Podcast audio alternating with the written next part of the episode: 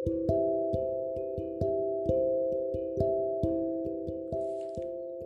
teman-teman, selamat malam dan selamat datang di podcast cerita horor kampusmu. Aduh, udah lama banget nih aku nggak upload-upload cerita-cerita terbaru di podcast ini. Oke, kali ini aku akan berusaha buat aktif lagi upload cerita-cerita horor di podcast ini. Untuk cerita pertama, setelah sekian lama aku vakum dari dunia podcast, aku akan membawakan cerita yang berjudul Nyonya Astini. Begini ceritanya.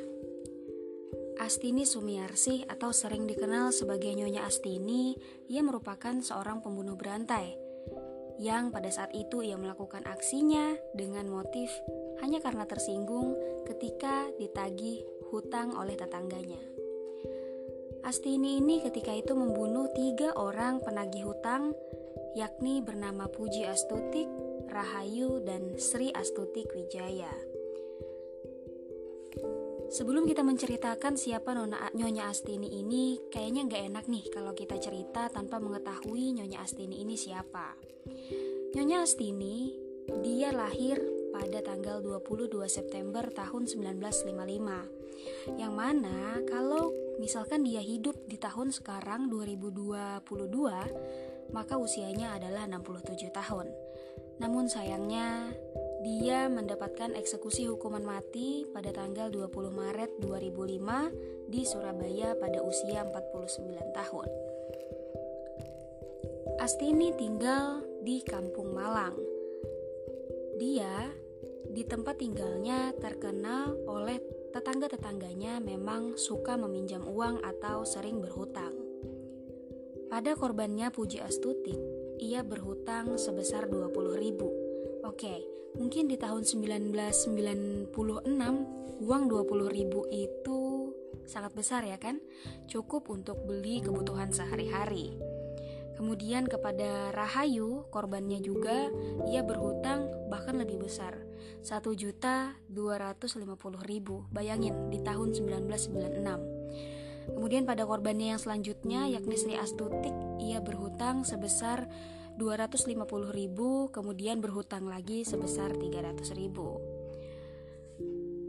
Kemudian pada akhirnya, janji manis untuk membayar hutang-hutang tersebut ya tak kunjung dipenuhi oleh si Nyonya Astini.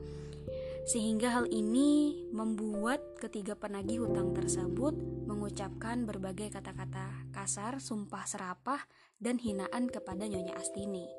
Nyonya Astini pun tentu merasa tersinggung dengan ucapan ketiganya. Akhirnya, kejadian pembunuhan ini terjadi pada bulan Februari di tahun 1996. Saat itu sekitar pukul 4 sore. Puji Astuti datang ke rumah Astini dengan niat ya tentunya untuk menagih hutang sekitar 20 ribu tadi. Namun ternyata seperti yang sudah dapat kita bayangkan, Nyonya Astini ini belum dapat melunasi hutang tersebut. Tentunya Puji Astini menjadi geram. Ia kemudian marah dan mengeluarkan kata-kata kasar. Seakan-akan Nyonya Astini ini merasa terhina dan akhirnya ia gelap mata. Dia kemudian mengambil sepotong besi yang berada di dekatnya dan tanpa pikir panjang, akhirnya dia menghantamkan besi, tersebut ke kepala Puji Astuti. Akhirnya, Puji Astuti pun meragang nyawa. Setelah ia merasa bahwa Puji Astuti ini telah meninggal dunia, jenazahnya lalu diseret ke dapur di rumah kontrakan Astini. Ia kemudian menutupi jenazah tersebut dengan tikar. Lalu pada pukul 2 dini hari, jenazah korban kemudian ia mutilasi menjadi 10 bagian dan kemudian disebarkan ke berbagai tempat sampah di daerah Surabaya juga ke beberapa sungai. Lalu beberapa hari kemudian, potongan tubuh Puji Astuti akhirnya ditemukan oleh warga Kampung Wonerejo, Surabaya dalam kantong plastik di Sungai Wonerojo yang kemudian akhirnya mereka menelpon polisi dan kantong plastik itu diamankan oleh polisi dan disimpan di kamar jenazah RSUD Dr. Sutomo. Jenazah akhirnya diidentifikasi oleh keluarga korban karena memang Puji Astuti ini keluarganya sudah e, melaporkan ke polisi dan dinyatakan hilang. Makanya salah satu e, keluarga korban yang bernama Agus Purwanto diminta untuk mengidentifikasi jenazah yang ditemukan. Akhirnya Agus Purwanto pun mengkonfirmasi bahwa kepala yang ditemukan di dalam kantong plastik itu adalah kepala kakaknya, yakni Puji Astuti yang memang sudah dilaporkan hilang oleh pihak keluarga.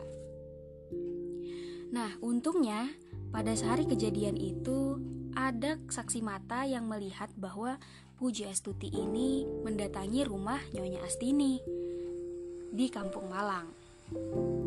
Tanpa pikir panjang, polisi pun akhirnya segera menahan Nyonya Astini sebagai pelaku utama, lalu mulai menginterogasinya.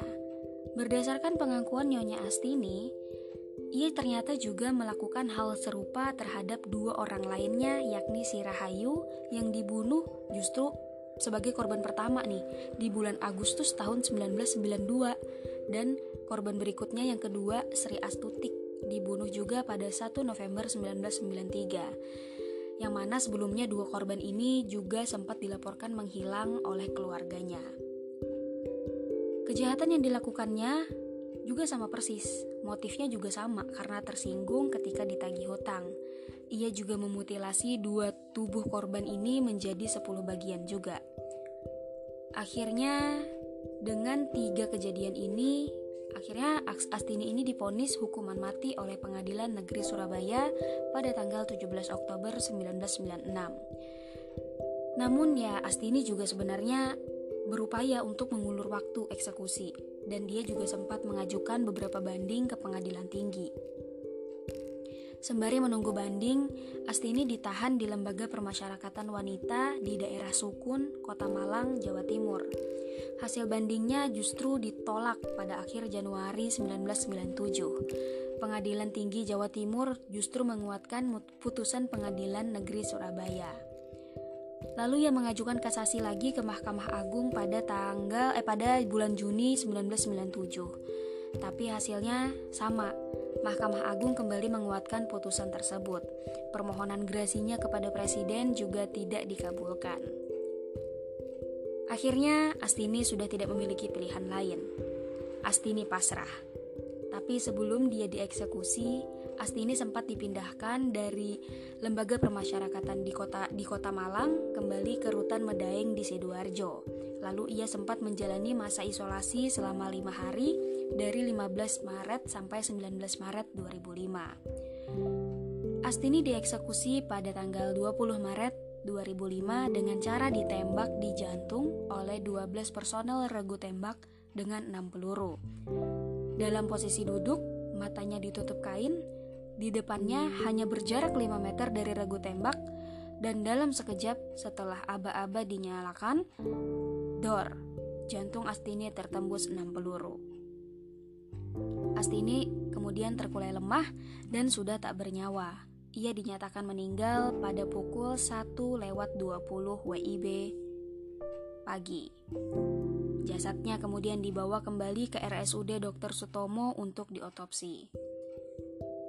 Selama menjalani masa isolasi, sebenarnya Astini sempat dijenguk oleh Sopi, Supilin, suaminya, dan beberapa orang anaknya. Astini meminta kepada anak-anaknya agar tetap terus meningkatkan ibadahnya dan selalu mendoakan dirinya yang akan meninggalkan mereka untuk selamanya. Astini juga sempat menulis tiga permintaan terakhirnya.